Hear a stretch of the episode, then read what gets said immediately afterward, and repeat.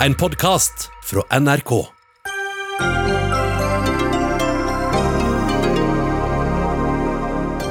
Regjeringa gir 30 millioner kroner årlig til privat hospice for alvorlig syke og døende barn. Stikk i strid med helsefaglige anbefalinger. Massiv kritikk mot Harry Potter-forfatter JK Rowling. Hun beskyldes for å ha kommet med transfobiske uttalelser. Skremmende reaksjoner, mener kommentator. LO og NHO vil forlenge permitteringstiden, så bedrifter kan permittere ansatte i et helt år. Det holder folk på gress, protesterer Tekna, som heller vil ha oppsigelser eller folk tilbake i jobb. Og det er full stans i forhandlingene mellom Telia og TV 2. Dermed blir det ingen Åsted Norge eller Grace Anatomy for en halv million Get-kunder.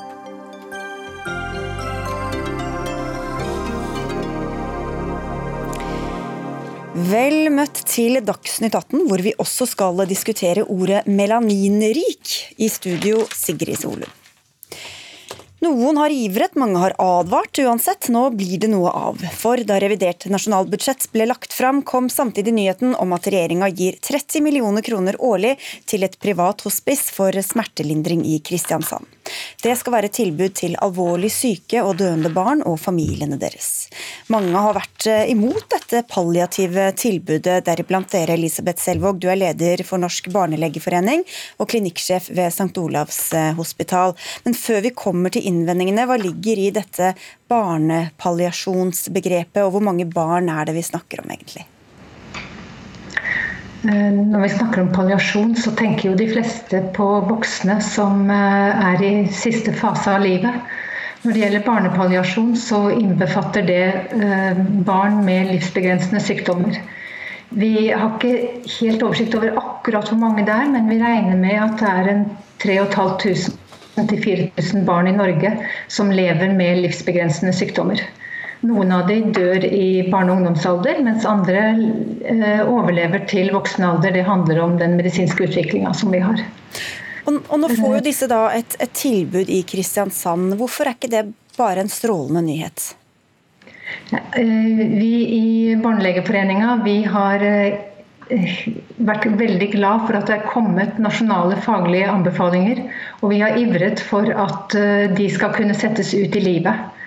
De faglige anbefalingene de sier noe om at det er behov for å styrke de faglige strukturene som vi har. Altså det betyr å styrke barne- og ungdomsklinikker, styrke habiliteringstjenester, styrke kommunale tjenester. Som eh, per i dag eh, et, som kjenner disse barna, som kjenner familiene. Og som eh, er de som er sammen med dem også når eller hvis de dør. Ehm, det er jo kommet både en norsk offentlig utredning og det er kommet, en, eh, det er kommet faglige retningslinjer som er veldig klare i sine anbefalinger. Ehm, de er også klare på at de ikke anbefaler at det opprettes barnehospice sånn per i dag. Ehm, og Derfor så syns vi det er en underlig prioritering eh, at det gis 30 eh, millioner kroner til et privat initiativ og vi kan heller ikke se at eh, det er eh, et initiativ som kan fylle definisjonen av et hospice. Vi har invitert initiativtakeren bak dette initiativet. Hun hadde ikke anledning til å stille, men Anne Grete Erlandsen, statssekretær i Helse- og omsorgsdepartementet. De faglige rådene er klare. De vil ha altså lokale tilbud rundt omkring i hele landet. Hvorfor går dere da imot dem, og heller gi penger til dette? Men Det er det som er den store misforståelsen. Vi har ikke gått imot det.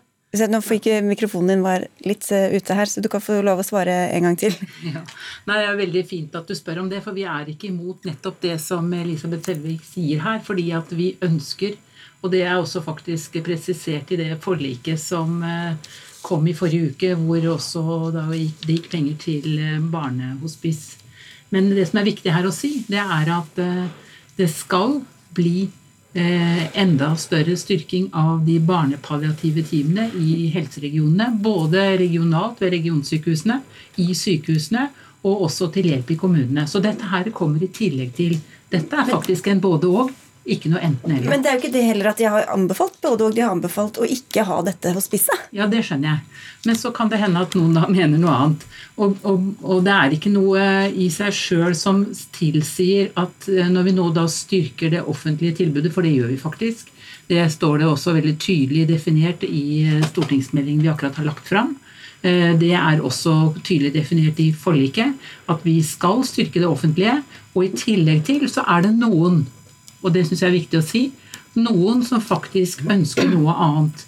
Noen som trenger noe annet. Og de kan da få muligheten til å få det ved et barnehospice. Men jeg vil jo tro, og jeg vil håpe, at de aller fleste får hjelpen nærmest der de bor, i sitt nærmiljø. Og hvis dette kommer på plass, eh, Selvåg, er det ikke da fint for folk fra hele landet å kunne reise til et sånt sted som er laget bare for disse barna og familiene deres? Vår erfaring, og som er de aller fleste pasientforeningers budskap også, er at de ønsker styrking av tjenestene i nærheten av der de bor. Eh, de ønsker at eh, barna skal kunne være mest mulig hjemme sammen med sine venner, sammen med sin, sine foreldre, sin, sine søsken og sine besteforeldre. Eh, det er det som er de flestes ønske. Et annet aspekt er at eh, den gruppen vi snakker om, det er, det er veldig syke barn ofte. Eh, og eh, litt avhengig av hvilken fase de er i, så har mange av dem behov for veldig spesialiserte tjenester. Så det er ikke bare å reise til et senter langt av gårde. De er avhengig av det hjelpenettverket som er lokalt, og vi skulle så inderlig gjerne ønske at at det ble høyt prioritert. Nå hører jeg hva Erlandsen sier, og det er jeg veldig glad for. Så vi er selvfølgelig veldig spent på oppfølginga av det hun sier nå.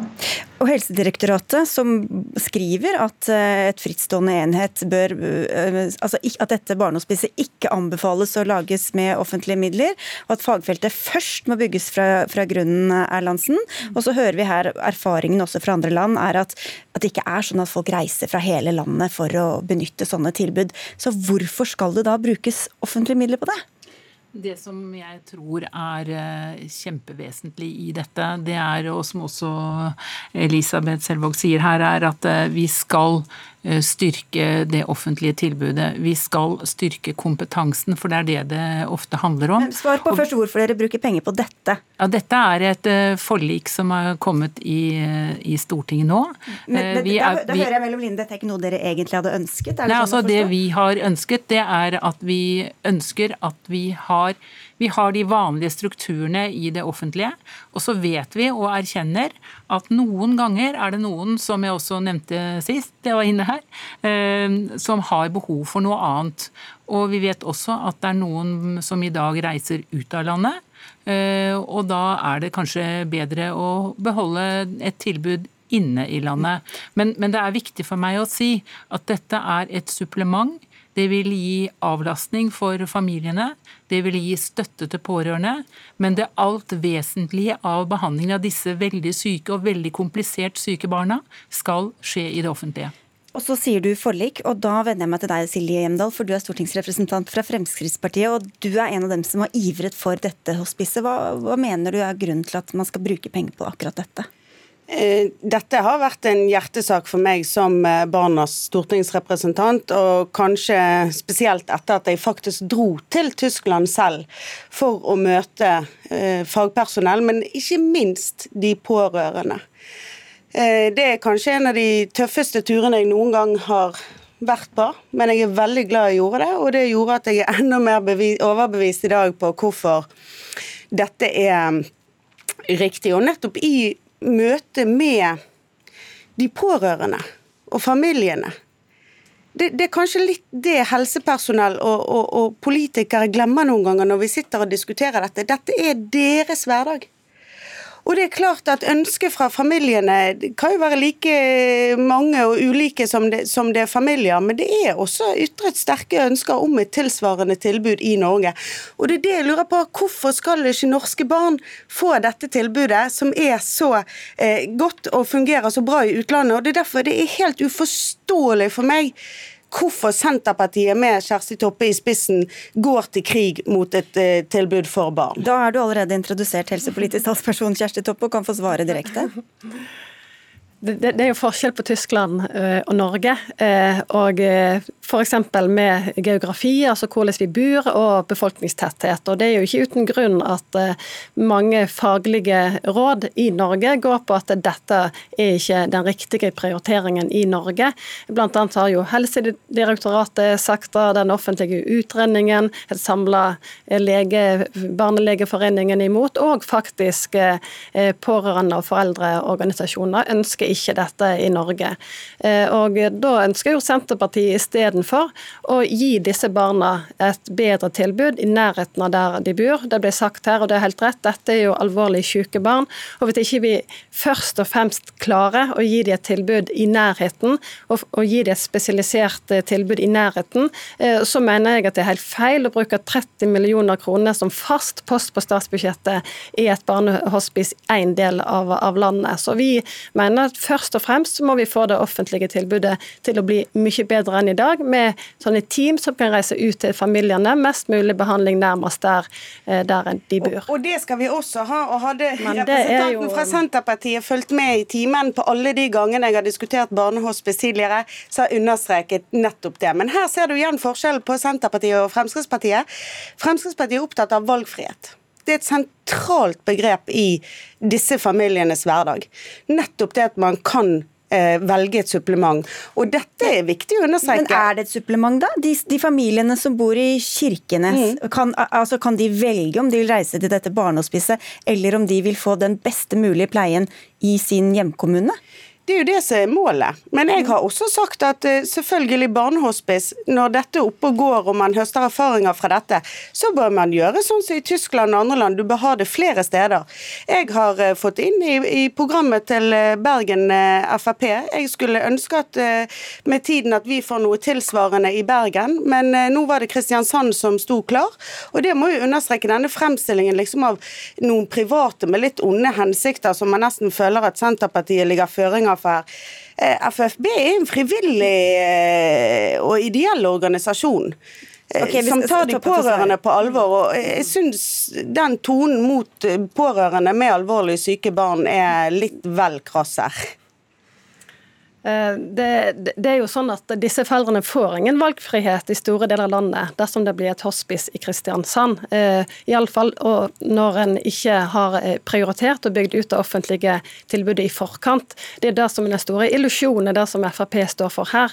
Det er jo at disse får ikke en valgfrihet. og det er jo, Nå hører jeg jo at det blir sagt at de skal sikre begge deler, men altså det, unnskyld meg, så lenge jeg har vært med i politikken at du får ikke både hospice og en stor offentlig sak. Da tror jeg vi tar den til statssekretæren, fordi vi vet jo, og det hører vi og det snakker vi veldig mye om, at her må det prioriteres på alle poster på budsjettet. Det er en begrensa pott. Så hvorfor kommer dette først, i stedet for å ruste opp de palliative teamene rundt omkring i hele landet, og så se på dette hospicet? Hvis det hadde kommet først, så skjønner jeg innvendingen, men det kommer ikke først. Det kommer faktisk parallelt, og det er veldig, veldig viktig. Og, men er de på plass, da? De, er faktisk, de er faktisk under oppbygging. Og i arbeidet med stortingsmeldingen om lindrende behandling, som også omhandler hele livsløpet, så har jeg møtt veldig engasjerte fagfolk. Hvor, mange millioner har dere satt av i, budsjettene nå til, til Nå er det sånn at uh, palliative team det er en del av de, uh, det som vi da uh, hva skal jeg si for noe, beordrer de regionale helseforetakene til å, å gjøre. Og pengene peng, Tull og tøys.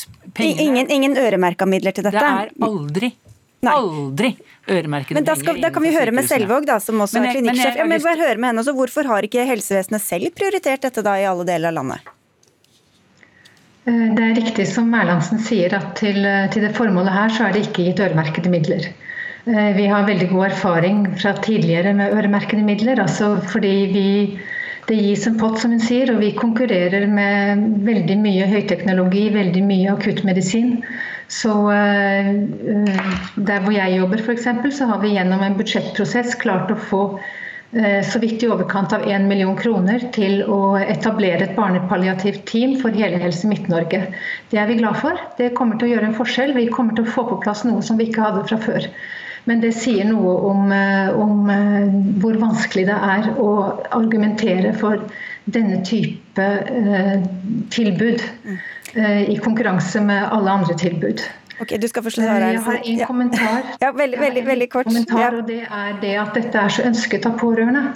Fordi at uh, Barnelegeforeninga og Barnesykepleierforbundet vi har hatt møte med veldig mange pasientorganisasjoner, også med Foreningen for barnepalliasjon, som, uh, som vi har respekt for.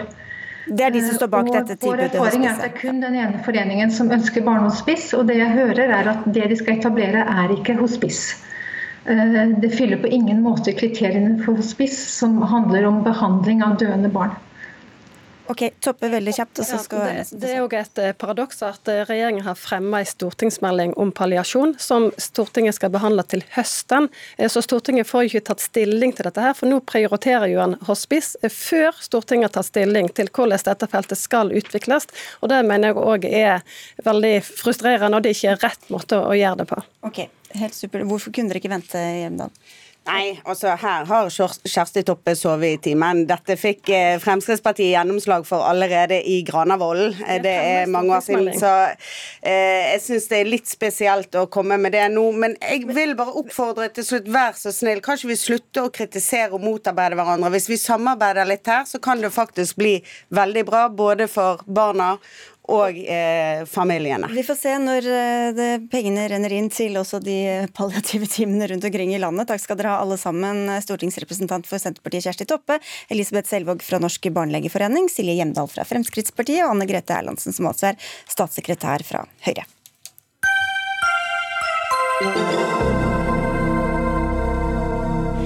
Den verdenskjente Harry Potter-forfatteren J.K. Rowling er i hardt vær. Grunnen er at hun har tvitret uttalelser som er blitt tolket som fordomsfulle mot transpersoner. Tidligere i juni delte hun en artikkel som handlet om, en, som handlet om å skape en mer likeverdig verden etter covid-19 for det som, som, det sto, mennesker som menstruerer, hvorpå Rowling harselerte med overskriften og skrev at mennesker som menstruerer, vi hadde da et ord for det, nemlig nemlig kvinner. Og dette ble det reaksjoner på, men hvorfor ble det egentlig det, Luka Dalen Espeseth? Du er transperson og jobber for FRI, altså Foreningen for kjønns- og seksualitetsmangfold. Ja, eh, altså reaksjonene kommer på ikke nødvendigvis at hun mener at kvinner er, ofte er dem som menstruerer, det er hun fullstendig eh, har hun for så vidt rett i. Eh, reaksjonene kommer på at hun prøver å tegne opp noen linjer hvor hun setter grenser for hvem det er som får lov til å være kvinner og ikke, og hvor hun prøver å framstille som om transkvinner ikke er kvinner, og at transkvinner utgjør en trussel for cisskjønna kvinner. Mm. Og så ble det mye bråk. Inger Merete Hobbelstad, kommentator i Dagbladet, du har skrevet om dette også, og sier at dette raseriet hun møter er skremmende. Hva er det som er så skremmende ved det? Og det med å gjøre at vi her snakker om en sak som er ekstremt eh, sensitiv og sårbar for mange mennesker. altså Det har jo med å gjøre at eh, det er mulig på en måte det ikke var før å leve som eh, transperson. Men det skaper jo visse utfordringer når vi er i et samfunn der vi har en del arenaer, bokser som er inndelt etter de gamle på en måte todelte biologiske kjønnene. Og det oppstår en ganske vanskelig debatt om, om hvordan man nå skal på en måte regulere adgang til disse arenaene, disse rommene, hvem som hører hjemme hvor. hvis du hvis du vil. Eh, og det som forbløffet meg da jeg leste nedover denne tråden, det er at Rowling sier jo at eh, transpersoner at hun vil at selvfølgelig alle skal ha sine rettigheter, de skal ikke diskrimineres, du skal få kalle deg hva du vil, du skal få leve eh, hva du vil, men at hun er opptatt av å bevare eh, på en måte biologisk kjønn som en kategori, som noe som hun har følt har formet sin eh, erfaring med livet, og som er eh, på en måte forener henne med andre som har den samme erfaringen. Og Hvis du så da på det som fulgte under det, så var det altså en aggressivitet som nærmest tok pusten fra meg. Hun ble kalt hore, hun ble kalt fitte. Det var foreldre som sa at du setter mitt barns liv i fare. Eh, det var eh, sterke kvinnefiendtlige skjellsord. Det var folk som sa at de angret på at de noen gang hadde lest bøkene hennes, likt bøkene hennes. Eh, og, dette fortsatte og fortsatte og fortsatte. Og, og jeg tenker som så at når det kommer den typen reaksjoner, altså som i liten grad av argumentet, men veldig mye av det var ren hets, da, mot et perspektiv som selvfølgelig er kontroversielt, og som det er helt legitimt å være uenig i. Eh, vi, vi, må slippe til Espeseth her i studio også, Hobbelstad. Ja. ja eh, min eksistens er ikke et kontroversielt tema. Det er ikke greit å være uenig i at jeg har råderett over min kropp og min identitet. Eh, og så kan ikke jeg som en transperson ta ansvar for det enkelte transpersoner skriver på Twitter, og jeg er helt enig i at folk fortjener å få lov til å ytre seg uten å bli trakassert, og at man skal møtes i hovedsak med motargumenter. Men Twitter er også en litt spesiell arena, eh, hvor hvem som helst får lov til å tvitre liksom, raske meldinger. Og de ytringene Rowling har kommet med, er helt tydelig transfob, og hun eh, får transkvinner til å framstå som om de ikke er kvinner, og at de er en trussel mot sikkerheten til alle. Men hun sier jo også at eh, etter at hun fikk reaksjoner, at hun ville demonstrert for transpersoners rettigheter hvis de ble diskriminert. Hvorfor skal man tolke henne så negativt? Ok, JK Rowling er en hvit, heteroseksuell cis-kvinne som i denne tida, i pride-måneden, mens vi har en Black Lives Matter-bevegelse som reiser seg over hele verden, så velger hun å bruke plattformen sin til å snakke om et helt sånn marginalisert tema, hvor hun påstår at noen kvinner er en trussel mot andre kvinner sin sikkerhet. Hun kunne ha brukt plattformen sin til å si at eh, hun sto opp eh, og var antirasist. Hun kunne ha sagt at den feministiske kampen selvfølgelig må være antirasistisk og transinkluderende. Hun velger å la være med det, og jeg spør meg meg hvorfor. Det er fordi hun har lyst til, og med vilje, prøve å eh, marginalisere en gruppe kvinner som blir ekstremt utsatt for vold og marginalisering verden over. Hobbelstad, forstår du dette, hvordan dette kan oppleves uh, hos transkvinner? At de blir utdefinert som kvinner? Ja, selvfølgelig ikke noe problem å forstå at dette er noe av det mest sårbare og personlige som finnes i livet til det det angår. Jeg, jeg mener også at de absolutt overtolker det som blir, blir, sagt her. Altså Jeg ser ingenting i det Rowling har skrevet, nå har jeg satt meg ganske godt inn i det, som er hatefullt eller som er angstfylt, eller som sier at noen ikke, ikke eksisterer eller ikke har rett til identitet. Tvert imot så understreker hun jo at folk skal kunne leve i pakt med sin identitet, kalle seg hva de vil, ikke bli diskriminert mot. Uh, og så er det selvfølgelig alle disse andre sidene hvor det er reelle uenigheter, og hvor det er uenigheter som vil være vanskelige og, og, og sårende for mange. Men altså, det er også noe her med at vi lever i en tid der det er, gjøres konkrete forsøk på å diskriminere veldig hardt mot transpersoner. Altså Trump-administrasjonen i USA har gått til en rekke grep for å prøve å, nekte transpersoner rettigheter i helsevesenet osv. Eh, altså jeg tror det er ganske mange som er, vil være med på en bred allianse. Eh, for å kjempe mot at de skal oppleve dette, at de skal oppleve hets, at de skal oppleve, eh, oppleve diskriminering. Men som syns at disse andre spørsmålene om hvor man trekker grensen for for hva som man sier tilhører det ene kjønn og hva som tilhører det andre, eh, det vil på en måte være en annen, uh, annen diskusjon. Og jeg synes den alliansen det, det, det, det spørsmålet har transaktivister da, som er svart på. Vi har sagt, og vi har løst alle de her oppkonstruerte problemene som de her transnegative kreftene har kommet opp med. Jeg vil at dem skal begynne å svare på hva er det som er grensene for kjønn, hvordan skal de grensene håndteres, skal vi gå tilbake til det systemet vi hadde før i Norge, hvor transpersoner måtte kastrere seg for å kunne endre juridisk kjønn, skal jeg måtte stå foran et panel bestående av cis-folk folk for å bevise at jeg er en mann. I Rowling sin logikk så er jeg en kvinne, og da burde jeg kunne gå inn i et hvilket som helst kvinnerom. Og for dem som ser på TV, så ser ikke jeg ut som en kvinne, og jeg kan ikke gå inn i kvinnerom. Men at hun sier at det finnes biologiske kjønn, er det i seg selv transfobt? Nei, altså det er, det er, ingen transfolk som har sagt at ikke kromosomer, eh, kjønnshormoner og andre ting ved kroppen er ekte. Men det vi har sagt at det er ikke biologien som eh, eh fordrer at alle med Y-kromosom må kalle seg menn. Det er det vi som samfunn som velger å si. Eh, og vi som er transaktivister, som vi da eh, nedsettende blir kalt, sier at nei, din opplevelse av hvilket kjønn du er, har faktisk forrang for denne forenkla ideen om biologi. Og det å fremsette eh, det som tilsynelatende er nøytrale biologiske argumenter for å drive med aktiv diskriminering, det burde man klare å gjenkjenne nå. Det har blitt gjort mot mange grupper opp gjennom historien, og det må vi stå imot. Altså, kan jeg få bemerke at det finnes, altså, Nå har jo Rowling i det siste blitt kalt TERF ofte. Det betyr eh, transekskluderende radikal feminist. Hun sier selv at hun ikke kjenner seg igjen i den merkelappen. Men altså at det er en åre av eh, feminismen som er eh, veldig aggressiv mot menn, og aggressiv mot eh, transkvinner fordi de opplever, altså de vil kalle dem menn. altså Det er helt reelt, og det er et stort problem. Og det er, tror jeg jeg og mange andre vil si er en, er en voldsom uting. Eh, jeg ser heller ingen grunn til at noen vil altså ikke skal betegnes med sine sine foretrukne pronomer. altså Hvis noen presenterer seg selv som kvinne, så vil det være ufint ikke å, ikke å behandle dem som det. Men så har du ting som blir litt vanskeligere, f.eks. idrettskonkurranser. ikke sant? Hvis du har med deg mannlige organer, eh, mannlig anatomi, eh, hvordan skal du da kunne konkurrere mot mennesker som har en fundamentalt Men, men nå, anatomi? nå, Altså, nå nå fremstiller du det som om det finnes noe som er en mannlig anatomi. De grensene er ikke trukket opp. Og idretten har fint klart å håndtere det her. Vi trenger ikke å si at transkvinner ikke er kvinner for å klare å skjønnsinndele idretten. Vi får til det. Dere, vi kom ikke lenger, men tusen takk skal dere ha for at vi kom eh, så langt. Inger Merete Hobbelstad og Luka Dalen Espeseth for at dere kom til Dagsnytt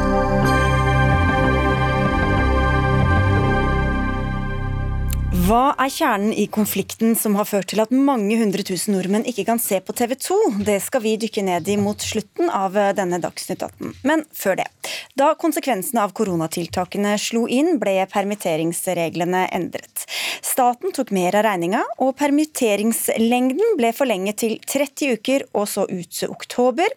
Nå vil LO og NHO gjøre den enda lengre, og ber politikerne om 52 ukers permitteringslengde. Men dere håper at de ikke får gjennomslag, Lise Lyngsnes Randeberg, du er president i Tekna, og hvorfor ikke det?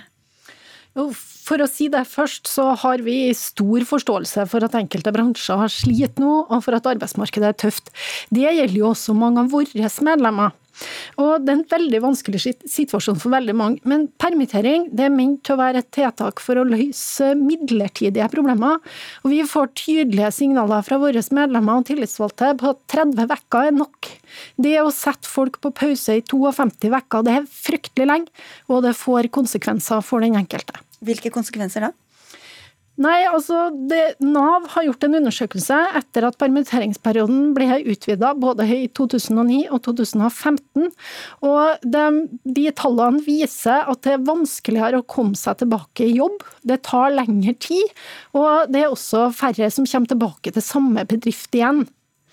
Nina Melsom, områdedirektør for arbeidsliv i NHO. Hvorfor er det hensiktsmessig at ansatte skal fortsette å være ansatt, men uten å gå på jobb i et helt år? Det er to grunner til det. Det ene er at det er viktig for bedriftene å holde på kompetanse. Og så er det rett og slett for å unngå at man iverksetter flere oppsigelser enn det som er eh, nødvendig. Og da har jeg lyst til å minne om bakgrunnen for eh, den krisen vi står i nå. For eh, de permitteringene som er iverksatt, det er jo grunnet smitteverntiltak. At man eh, over natten stengte ned Norge. Og det har eh, frarøvet flere av våre medlemsbedrifter markedet. Typisk eksempel er jo reiseliv, det er servicehandel, og det er luftfarten. Og de er veldig tydelige på at når man slipper opp på smitteverntiltakene, og det begynner man jo allerede å se, så kommer markedet tilbake. Og da er det, tenker vi, at det er eh, riktig at man eh, gir mulighet for å bruke permittering.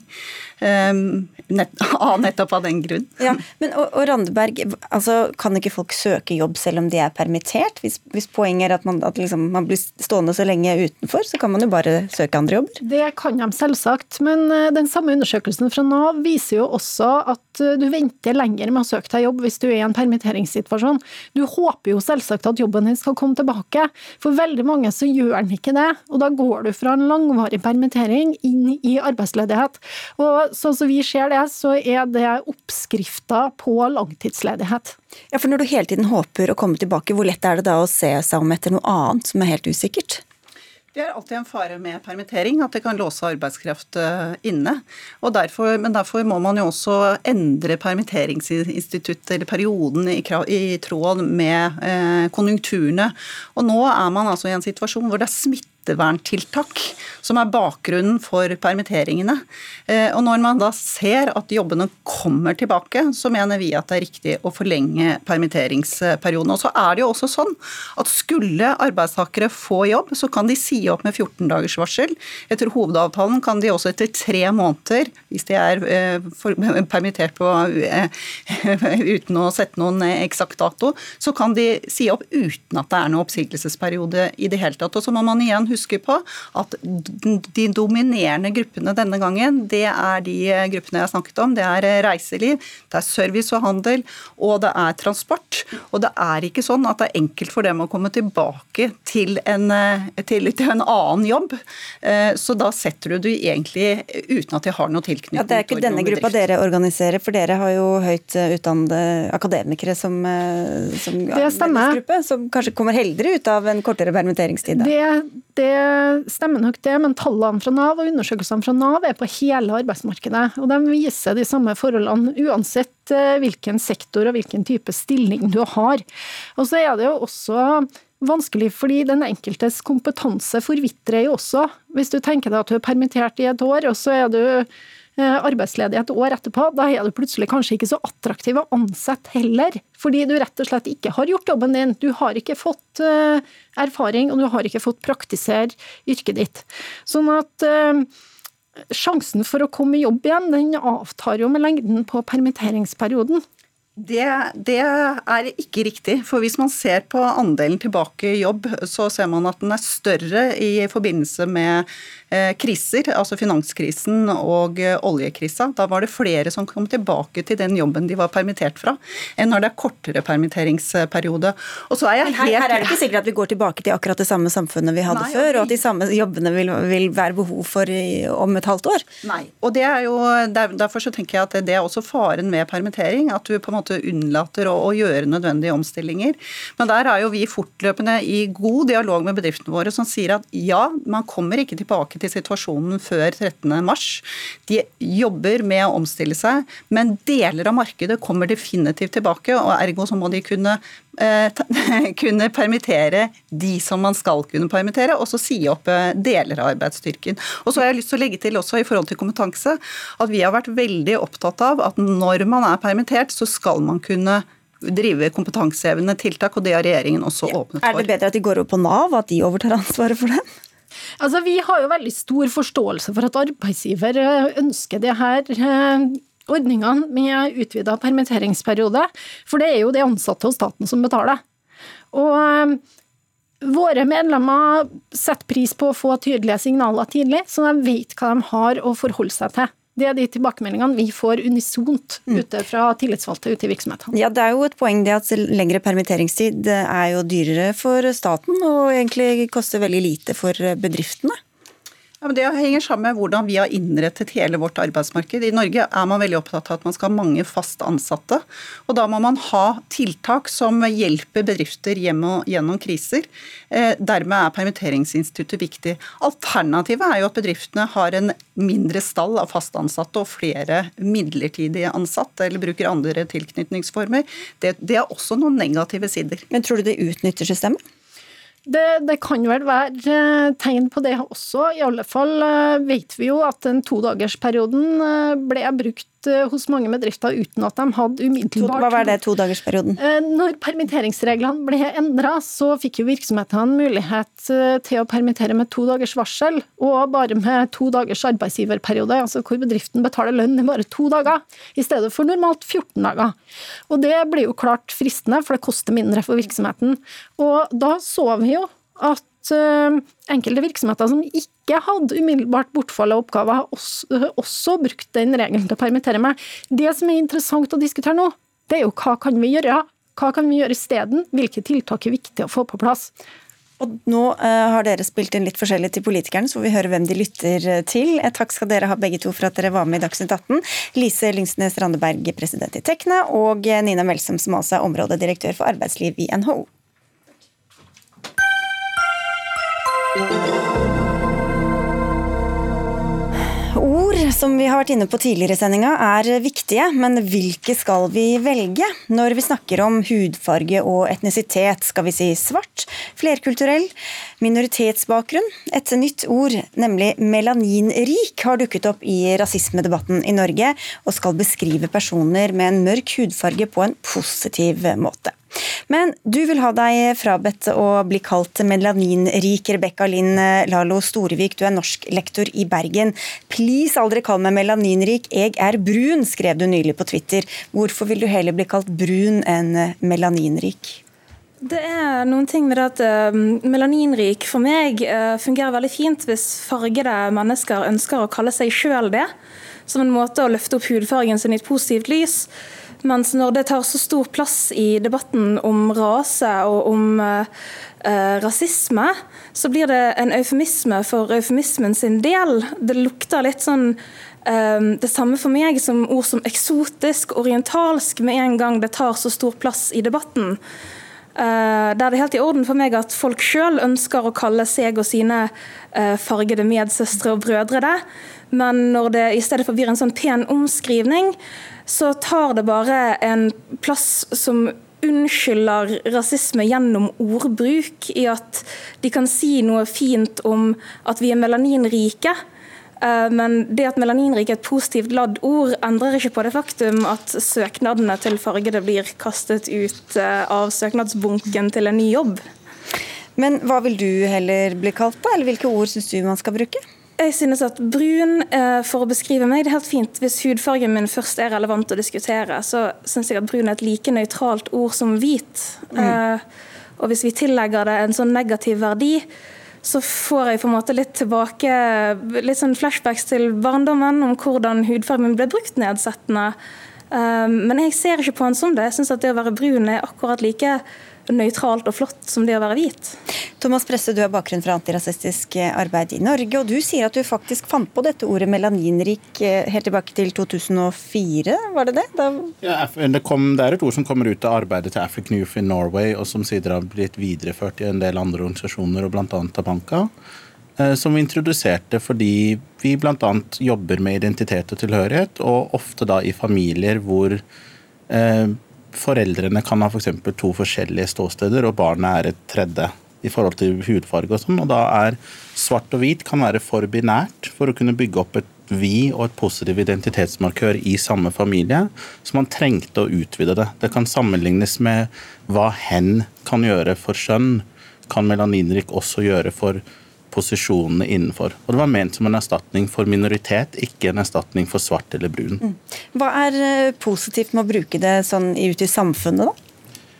Det handler også om at det er et ord som f.eks. svart har sine assosiasjoner, som kan trykkes inn til andre ord og banning. Mørkhudet har sine. Farget kan tilknyttes colored og apartheid osv. Melaninrik for, var da ganske tomt.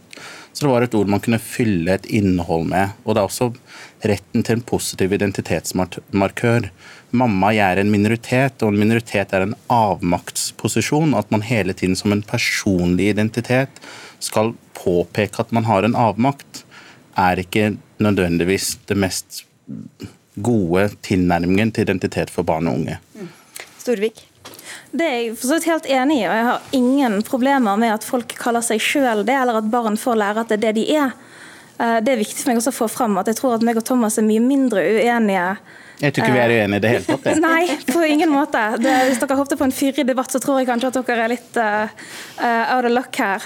Uh, men for meg så handler det om at det blir en, en slags uh, omskrivning som gjør at vi kanskje hopper under de delene av debatten som faktisk er kritiske, som faktisk er viktige, som påvirker oss som melaninrike eller fargede eller brune og svarte mennesker uh, i hverdagen vår. Uh, og jeg syns det er flott uh, at barn får lov til å vokse opp med et ord om hudfargen som er positivt. Så jeg er veldig positiv til melaninrik som et sånt ord.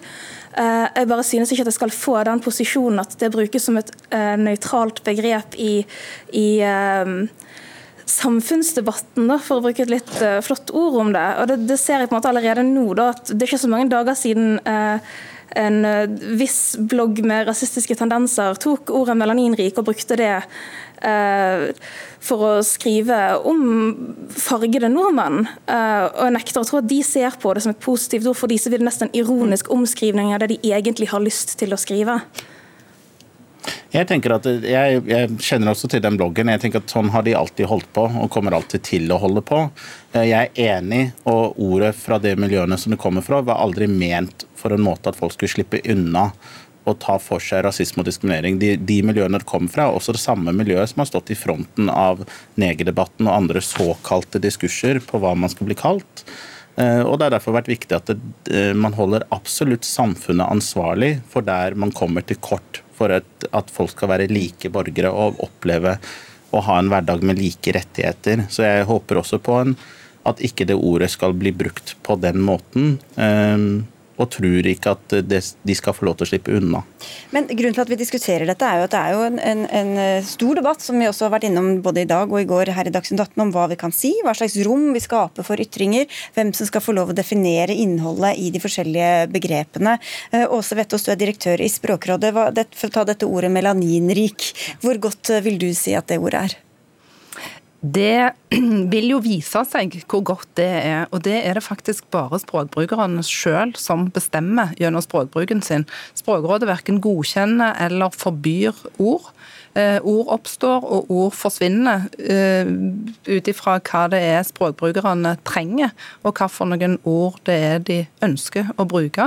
Sånn at hvis mange nå begynner å bruke ordet melaninrik og trykker det til sitt bryst, så, så kommer det til å være da, uh, et ord som etablerer seg i norsk. Vi har kikket litt uh, på historikk her, og det er ikke så veldig mye brukt i skrift. Vi så noen få eksempler på det i bruk på bloggen dokument.no fram til 2016 ca. Og så ble det litt mer bruk i òg andre sammenhenger etter det, men, men, det er et veldig lite brukt ord foreløpig. Så hva som vil skje, det er helt umulig å si. Lite brukt ord i skrift skrivinger hvor det ikke er melaninrike selv som skriver om seg selv. Jeg må komme med en presisering der. Er det melaninfattige? Er det, er Nei, det et... melaninfattig er ikke motsatsen. Ordet kom til for å være en positiv identitetsmarkør. Man offisielt, og det sa man også når man lagde ordet, man mener ikke at melaninfattige er et motsatsen eller alternativ. Men det er blitt brukt siden 2005 av mange hundre nordmenn som er melaninrike. Det er jo sånn at øh, hvis det er et poeng å unngå at folk blir karakterisert etter hudfarge, så er det kanskje ikke et ord vi trenger. Eh, og et, for så vidt et problem med melaninrik eh, har jo vært eh, framme i debatten her, at det kanskje kan oppfattes som et erstatningsord eller en omskriving. Men det som er veldig viktig, det er at når vi har offentlige ordskifter, så skal de bygge på respekt og toleranse, og at majoritetsbefolkningen Eh, skal ta hensyn til hva ulike typer eh, etniske eller religiøse eller andre minoriteter ønsker å ikke bli omtalt som. Men Det kan jo være veldig mange forskjellige meninger om det internt i den samme minoritetsbefolkningen. Noen syns det er greit å bruke det ordet, og noen syns det ikke er greit i det hele mm. tatt. Mm. Mm.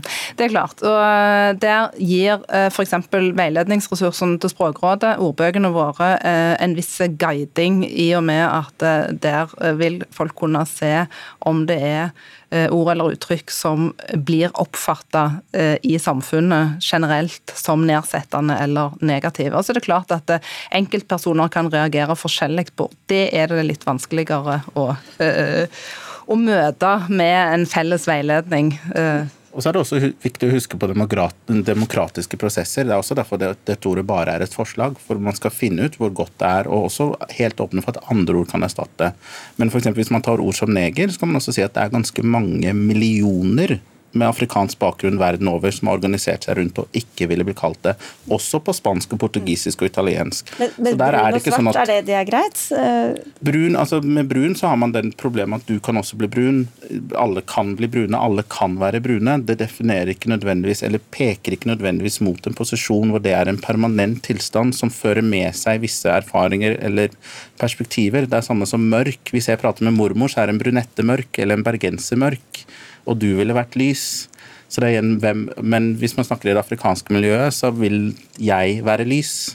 Så, det, så, disse begrepene har ulik verdi ut fra hvem du snakker med, og derfor var det også viktig å finne et ord som kunne peke til noe annet, og hvor man kunne diskutere gir dette mening. Og For at melaninrik skal gi noe mening, så må man jo ha ganske inngående kunnskaper til hva det faktisk viser til også. Så jeg vet ikke hvor godt det er å bruke sånn kommunikasjonsmessig. hva du synes, vet også. Nei, Foreløpig så er det nok sånn at de fleste språkbrukere vil, kunne, vil trenge en veiledning eller en kontekst rundt dette. Eh, men det er klart at eh, ord som først etablerer seg i språket, de, eh, de blir fylt med et innhold. Og det semantiske innholdet det er det heller ikke Språkrådet som bestemmer. Så om det blir det ingenting, det Vi bestemmer, vi bestemmer skrivemåten av, av ord, annet. Men, men altså, eh, om, om, det da får positive eller negative konnotasjoner, og hvem det får det for, det er opp til språkbruken og opp til hvordan språkbrukerne tar imot det og deler det mellom seg. Rebekka Linn Lallo Storevik, du fikk helt rett. Det ble ikke noe fyredebatt, men det ble kanskje en eh, noe oppklarende runde i hvert fall. Takk til deg, og takk til deg, Thomas Talava Prestø, og til eh, Åse Vettos fra Språkrådet.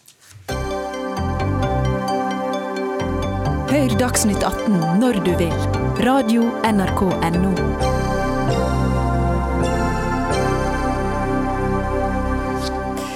Mange TV-seere som har forsøkt å skru på TV 2, er blitt møtt av svarte skjermer. Det er nemlig full konflikt mellom TV 2 og Telia-eide Get, som distribuerer TV 2. Sist uke brøt forhandlingene sammen, og nå står over en halv million Get-kunder uten tilgang til kanalen. Sara Villand, du er organisasjons- og kommunikasjonsdirektør i TV 2. Hvorfor skal seerne lide for at dere ikke klarer å bli enige? Ja, Det er jeg helt enig i. Hvorfor skal seerne lide for det? Og Jeg kunne jo ønske at vi først og fremst hadde Telia her i dag til å også kunne svare på følgende spørsmål. Fordi det vi har tilbudt, er jo nettopp at eh, Telia kunne, eh, og Get kunne skru på signalene igjen, sånn at seerne ikke skulle få lide dette her. Vi har tilbudt en forlengelse av dagens avtale på dagens vilkår, eh, sånn at vi kan forhandle videre bak kulissene, holdt jeg på å si, på bakrommet og ikke ut i media. Det er dere som har skrudd av? Nei, det er det ikke. Det er Telia som har skrudd av. Eh, det er de som har muligheten til å ta de eh, av, fordi at eh, avtalen ikke lenger var der. Og vi har sagt at vi kan videreføre den avtalen. Og Hvilke krav er det Telia har kommet med da, som dere ikke kan gå med på? Altså det, det forhandlingene her handler om, handler jo om finansieringen av norske programmer og journalistikk, og den sporten som vi kjøper, og som vi tilbyr seerne. Eh, og det som, eh, som er helt grunnleggende her, er at, at eh, vi mener at Get må betale det samme som de andre distributørene gjør. Ikke noe mer, ikke noe mindre. Og de ligger langt under den, den, markedsprisen i dag for akkurat det samme innholdet som vi lager til nordmenn og norske seere. Mm. For alle som ikke er inne i det, så er det altså dere selger deres innhold til forskjellige distributører som, som man kan abonnere på i borettslaget eller hjemme eller eh, kjøpe Ja, Det er vi som lager innholdet som skal ut til eh, nordmenn, og så er det Get som eh, videreformidler det. Og Spørsmålet er jo da eh, hvem som skal være med på å bidra til å finansiere den journalistikken som vi faktisk lager. Og Det er altså Telia som eier Get, for den som ikke har fått med seg det. Vi har selvfølgelig, som du sier, invitert Telia også. De sier at ikke de kan stille hele uka. Knut Kristian Hauger, du er redaktør i Kampanje. Hvordan ser denne saken ut sett fra Telias ståsted? Først og fremst er Det jo fryktelig vanskelig å være dommer i denne saken her og si at de har rett og de har galt. Det er, det er, jeg, det er jeg, som er dommer, du trenger ikke å tenke bra. Eh, for dette er jo forhandlinger vi dessverre ikke vet altfor mye om. De foregår jo på lukkede rom. og uh, Man kan jo også ha forståelse for begge sider. Uh, Telia sier de ikke vil betale mer for mindre innhold. Uh, Sara i TV 2 sier her at hun vil ha betalt fra Telia samme pris som det de andre distributørene betaler. Og eh, Det kan man jo ha forståelse for, begge deler. Nå vet vi jo ikke helt hva de andre distributørene betaler TV 2. Eh, de har jo sagt selv, TV 2, at Telia ville med sitt, eh, med sitt tilbud betale 20% mindre enn det de andre distributørene betaler. Men jeg tror Telia opplever denne forhandlingsstrategien til TV 2 at de har på en måte gjennomskuet den litt. fordi for to år siden så sa TV 2 tilsvarende. De sa at da var det Telenor, da var det Telenor som ikke betalte markedspris. Eh, og for fire år siden eh, fikk sikkert Get høre det forrige gang de var i, i, i forhandlinger, at de betalte under markedspris. Så det at TV 2 hele tiden eh, på en måte upper eller høyner budet da, hver gang de er i møte med, med distributørene, slik at den siste forhandlingspartneren alltid betaler mer, så vil de alltid kunne si da, at en, markedsprisen har steget. Og Da blir det sentrale spørsmålet har TV 2s innhold fått en større verdi i dag, VS for to år siden, VS for fire år siden? Og Det er jo noe TV 2 må argumentere for. Ja, for TV-seing er jo heller ikke som det var. Det er jo flere som strømmer, ser på andre ting. Færre, færre som ser mm. programmene akkurat idet de blir sendt. Så Hvordan preger det også disse forhandlingene og argumentasjonen inn i dem? Ja, det vil tippe at Terelia bruker det for alt det er verdt. At det er færre som ser på lineær TV. Eh, seingen er på nedadgående. og Og Derfor blir jo disse forhandlingene så utrolig viktige. fordi Tidligere var jo seerne ekstremt mye verdt for TV-kanalen, selvfølgelig. Det var jo de man solgte til annonsørene og fikk reklameinntekter. Nå er dette reklamemarkedet også litt på hell, og da blir jo andre inntektskilder, som nettopp disse distribusjonsinntektene, ekstremt viktig. Og For å si det til lytterne, da, at det er jo Hvorfor blir de ikke bare enige og kan ikke skru på? Men det er jo snakk om enorme summer her. ikke sant? Jeg vil tippe, uten at vi vet disse tallene, at her er det jo fort i en tre-fireårsperspektiv snakk om milliarder i inntekter for TV 2. Det er derfor også, Knut Kristian, at eh, når vi da står så langt fra hverandre og er så uenige, så er det jo ikke noe vits i at seerne skal bli sittende i skvisen i midten. Og det er jo nettopp det vi nå har foreslått for Telia. Skru på de signalene igjen, sånn at seerne kan få tilbake TV 2. Så skal vi fortsette de forhandlingene på bakrommet. Men, og seks måneder burde man kunne klare å komme fram til en enighet på det. Men samtidig så, uh, som vi var inne på, så legger jo dere mer og mer innhold over på andre kanaler, betalingskanaler, TV 2 Sumo. Hvorfor skal da Telia betale like mye til dere? Altså, eh, Telia har jo kjøpt, eh, kjøpte jo eh, Get for 21 milliarder eller noe sånt nå her, og gikk ut av og sa at den TV-delen av den virksomheten der, den hadde stor verdi for de. Og de har jo kunder som ønsker seg dette innholdet. Altså seks av ti av kundene til Get, altså disse 500 000 kundene og nesten en million seere, sier jo at de har TV 2 og TV 2 Nyhetskanal som sin prefererte kanal. Så de ønsker dette innholdet. De forholder seg ikke til markedsandeler eller andre typer ting. De forholder seg til Kompani Lauritzen og det innholdet vi har. Og så er det sant som du sier at vi også har en strømmetjeneste med, med Sumo. Der ligger det også masse innhold, men det er ikke noe mindre innhold på lineære TV-kanalene våre for det. Eh, og der har vi jo veldig veldig mange seere i dag som sitter fortsatt eh, og er bundet opp i borettslag, som du sier, til avtalene med Get, og som også følger TV 2s innhold eh, på lineære kanaler. Og som vi har sagt, og som mange har opplevd, så er det altså TV-seerne som får lide. Det syns du er for ille, Trond Giske, mediepolitisk talsperson for Arbeiderpartiet, men hva kan man gjøre med det? Nei, Jeg mener jo at TV-seriene blir brukt som et gissel i disse forhandlingene. fordi at eh, det er jo dem som er skadelidende her, som nå er uten eh, den ene av de to allmennkringkasterne vi har. Det er et nasjonalt prosjekt at vi skal ha et sterkt NRK, og det er et nasjonalt prosjekt at vi skal ha et sterkt TV 2. Det var brei politisk enighet da vi starta opp TV 2, og de har statsstøtte for å bringe norske nyheter og være en allmennkringkaster. Nå er en million nordmenn uten TV 2. Eh, og det mener jeg er en situasjon som ikke kan vedvare lenge. Da er jeg jo enig med det som blir sagt her fra TV 2. Da får de bare videreføre den avtalen som er, inntil man blir ferdig med forhandlingene og ikke bruke TV-seerne eh, som, eh, som gissel. Og Det er jo en pengekamp, selvfølgelig, men det er jo også en maktkamp.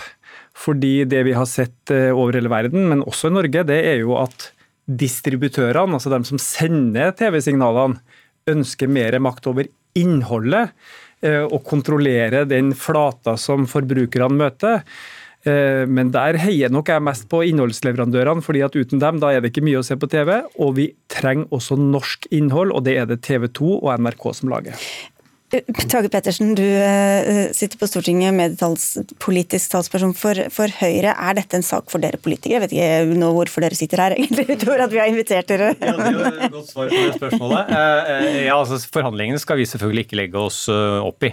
Og vi kunne like gjerne sitte her som forbrukerpolitiske talspersoner, for dette handler om TV-seerne og forbrukerne i den andre enden, som Trond Giske helt riktig sier. Og det er jo uakseptabelt at en, en million nordmenn i, i, den tiden vi er inne i, hvor nyhets- og informasjonsbehovet kanskje ikke har vært større på mange tiår, så skal de også miste en av de viktigste nyhetskildene ved siden av NRK. Så jeg også er veldig tydelig på at her burde begge partene vært anstendige nok til å si at vi forlenger den avtalen som er der i fire eller seks måneder, og så får vi forhandle videre slik at TV-stjerne men, men, gjøre noe vil dere ikke? Eh, altså, vi, vi, I den situasjonen vi er nå, så kan vi jo ikke gjøre noe, noe, men det som er viktig, er jo selvfølgelig det mediepolitiske rammebetingelsene i et lengre perspektiv, som også Trond Giske er, er, inne på. Og ser vi på tallene, så ser vi jo at marginene for, for TV, altså TV-kanalene går jo ned, mens inntektene til de som distribuerer går opp. Eh, og Det er klart at det er jo et relevant moment som vi må ta med oss videre. og Vi vet jo at det er kvalitet eh, nordmenn er opptatt av. Både nyhetsproduksjon og norske eh, men, underholdningsproduksjoner koster jo mye penger. Men det er jo dere som har laget dette systemet, da, Giske, som tillater at vi havner i denne situasjonen? Ja da, men det finnes virkemidler. Da vi hadde tilsvarende situasjon i en kamp mellom Telenor eh, og TV 2. Eh, da laga vi faktisk, da jeg kulturminister, et, eh, en nemnd, klagenemnd som kunne slå fast hva som ble riktig pris, for å være sikker på at ikke seerne mista TV 2-signalet. Det finnes også muligheter for å lage regler om at store bedrifter ikke både skal være kjempestore eiere på TV-kanalsida og på distributørsida. Eh, du kunne tenkt deg, ta som eksempel da, at eh, VG.no eide internettleverandøren din og bestemte at Dagbladet nå ikke lenger skulle vises. Det hadde vi reagert ganske kraftig på. Det går an å lage regler mot. Og det vi har sett Telia gjøre, det er jo at de har kjøpt opp TV4 og Seymour, svære TV-kanaler i Sverige. Det var veldig kontroversielt den gangen. Sterke reaksjoner både fra Sosialdemokratene og fra Høyre i Sverige fordi man er bekymra for at man får kontroll på hele eh, kjeden. Det finnes en mulighet for å lage den type regler for å sikre, og her tror jeg Høyre og Arbeiderpartiet faktisk er enig, god konkurranse og mangfold i TV-markedet. Når når vi vedtok mediemeldingen ganske nøyaktig for et, et, år siden, så var vi opptatt av et mediemangfold. Men skal vi klare å ha et mediemangfold, så må vi også ha et, et eiermangfold. Ellers så får vi ikke det mangfoldet ut til TV-stjernene i den andre enden. Og det er klart, Der har vi jo en mulighet, hvis vi vil, å regulere deler av det markedet. Eh, og, jeg representerer et parti som i utgangspunktet vil ha færrest mulige regler og restriksjoner, men, men, i et forbrukerperspektiv så er det av og til nødvendig å vurdere den type Men nå sier dere begge vi skal vurdere, vi kan kanskje hvis vi vil. Hva er det dere gjør da? Nei, akkurat nå sitter vi her, og denne, og denne, og denne situasjonen rasler med sammen. Denne situasjonen er jo eh, forholdsvis ny og helt ferskvare. og det er klart at uh, Utforme politikk og, og, regler uh, tar jo noe lengre tid enn innspurten av denne sesjonen på Stortinget. Men, men Det som er helt akutt nå, er jo selvfølgelig forbrukerperspektivet. Her har du en halv million kunder som har betalt for et produkt, et abonnement på Get hvor TV 2 var et av tilbudene. Nå får man ikke TV 2. Får disse kundene tilbake pengene sine? Kan de si opp avtalen sin? Hvordan er dette? Det mener jeg også er en helt akutt forbrukersak. Men forhåpentligvis så eh, blir partene eh, enige, går altså, fornuftig til verks. Men hvis ikke det skjer, så må vi bruke de regulatoriske virkemidlene. Da må vi gjøre noe fra politisk hold for å sikre TV-seernes tilbud i og med at både Trond Giske og Tage Pettersen er her, så kunne det jo vært interessant å ha hørt med de, fordi nå er det jo faktisk sånn at TV 2 får jo statsstøtte for å drive med allmennkringkasting. Uh, og har jo en form for avtale med, med, staten på det. Og det er jo ikke første gang TV 2 har en avtale med den norske staten, det har de jo hatt i mange ganger. Også med Trond som kulturminister. Uh, så spørsmålet er om den avtalen man lagde nå, hadde tenkt igjennom denne type situasjoner. da. For det er jo en litt absurd situasjon at vi går inn og finansierer en kanal med offentlige penger, og så kan den ende opp med å faktisk gå i svart hos en av Norges største TV-distributører. Så spørsmålet er hadde man sett for seg dette når man lagde denne avtalen og utkastet til denne avtalen? Åpenbart er vel svaret på det at det, det, hadde man ikke. Samtidig så er, er, det selvfølgelig også komplikasjoner knyttet, knyttet til det. At eh, TV 2 gjennom det å være en kommersiell allmennkringkaster, finansiert delvis med et lite bidrag fra, fra, staten, skal ha en blankofullmakt til å bli distribuert ut gjennom, gjennom, eh, disse distributørene som vi snakker om. Så det er utfordringer også knytta til det. Men dette er åpenbart en problemstilling som vi må ha ryddet unna før den skal fornyes. Ja, det er at, at Telia kjøpte jo disse kanalene så sent som i 2018 med enorm enormt politisk bråk i uh, Sverige. Og det er jo et paradoks her at her har du Telia, som faktisk hovedeieren er den svenske stat, mm. nå sitter i Norge og nekter en million å få sett TV 2. Det er en ting vi må kunne diskutere. Nå får Telia all skylda her, da, når ikke de er her. Men det, det, dere får jo masse penger da, fra skattebetalerne, og så får ikke folk tilgang til kanalen deres. Hva slags altså, ansvar har dere for det, da? Nei, altså Vi har et ansvar for det. Eh, men det, det er jo nettopp det ansvaret jeg opplever at vi har tatt. Eh, fordi at vi sier forhandlingene, forhandlingene, de er viktige for oss. Eh, og det, det handler om finansieringen av journalistikken og norske programmer, og etter hvert ganske dyre sportsrettigheter, som kunne vært en egen sesjon, for så vidt. Men, men Eh, det vi har gjort, er jo, og det er det jeg ikke helt forstår Telia og Get, det er jo å tilby la seerne holdes utenfor dette her. Det er tøffe forhandlinger. Vi står langt fra hverandre. La de få lov til å se på TV 2 mens vi ordner dette her på bakrommet. Og jeg kan ikke forstå hvorfor det skal være så vanskelig å akseptere. Eh, det burde være verdens enkleste sak hvis man har kunden og seerne i sentrum. Og så er det i hvert fall et par-tre stykker som er opptatt av Premier League, som begynner i morgen med TV 2 som har rettighetene, Hauger. Kan det skape fortgang i denne prosessen? Jeg hadde jo et uh, lite håp eh, på vegne av uh, seerne, da, hvis man kan uh, bruke et sånt begrep, om at det kanskje kunne løse deg i dag, da, med tanke på at Premier League startet. TV 2 har lagt en del matcher på hovedkanalen. De kommer nå på løpende bånd. I dag er første, eller fredag neste, og så går det fremover. Og det er jo lag norske folk og norske publikum har stort engasjement for. Så, men det virker ikke som det hjalp heller. Her er det tydeligvis enda mer på spill.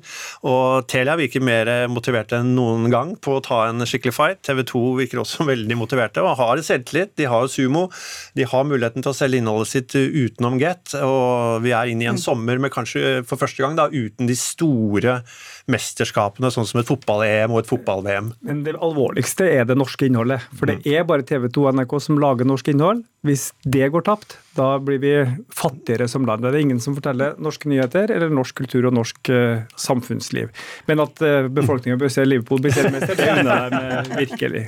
Men det er jo også en helt ny situasjon for oss. ja. uh, for det har aldri vært tatt av hovedkanalen noen gang. Dere, det... mm. vi har ikke mer tid. Vi kan ikke gjøre noe med det. Selv ikke her på NRK. Takk skal dere ha alle sammen for at dere var med. Siri Finnma Moen hadde ansvaret for innholdet i Dagsnytt 18 i dag. Ida Lara Brenna for det tekniske. Heter Sigrid Solund.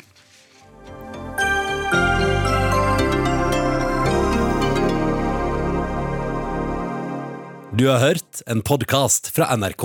Hør flere podkaster og din favorittkanal i appen NRK Radio.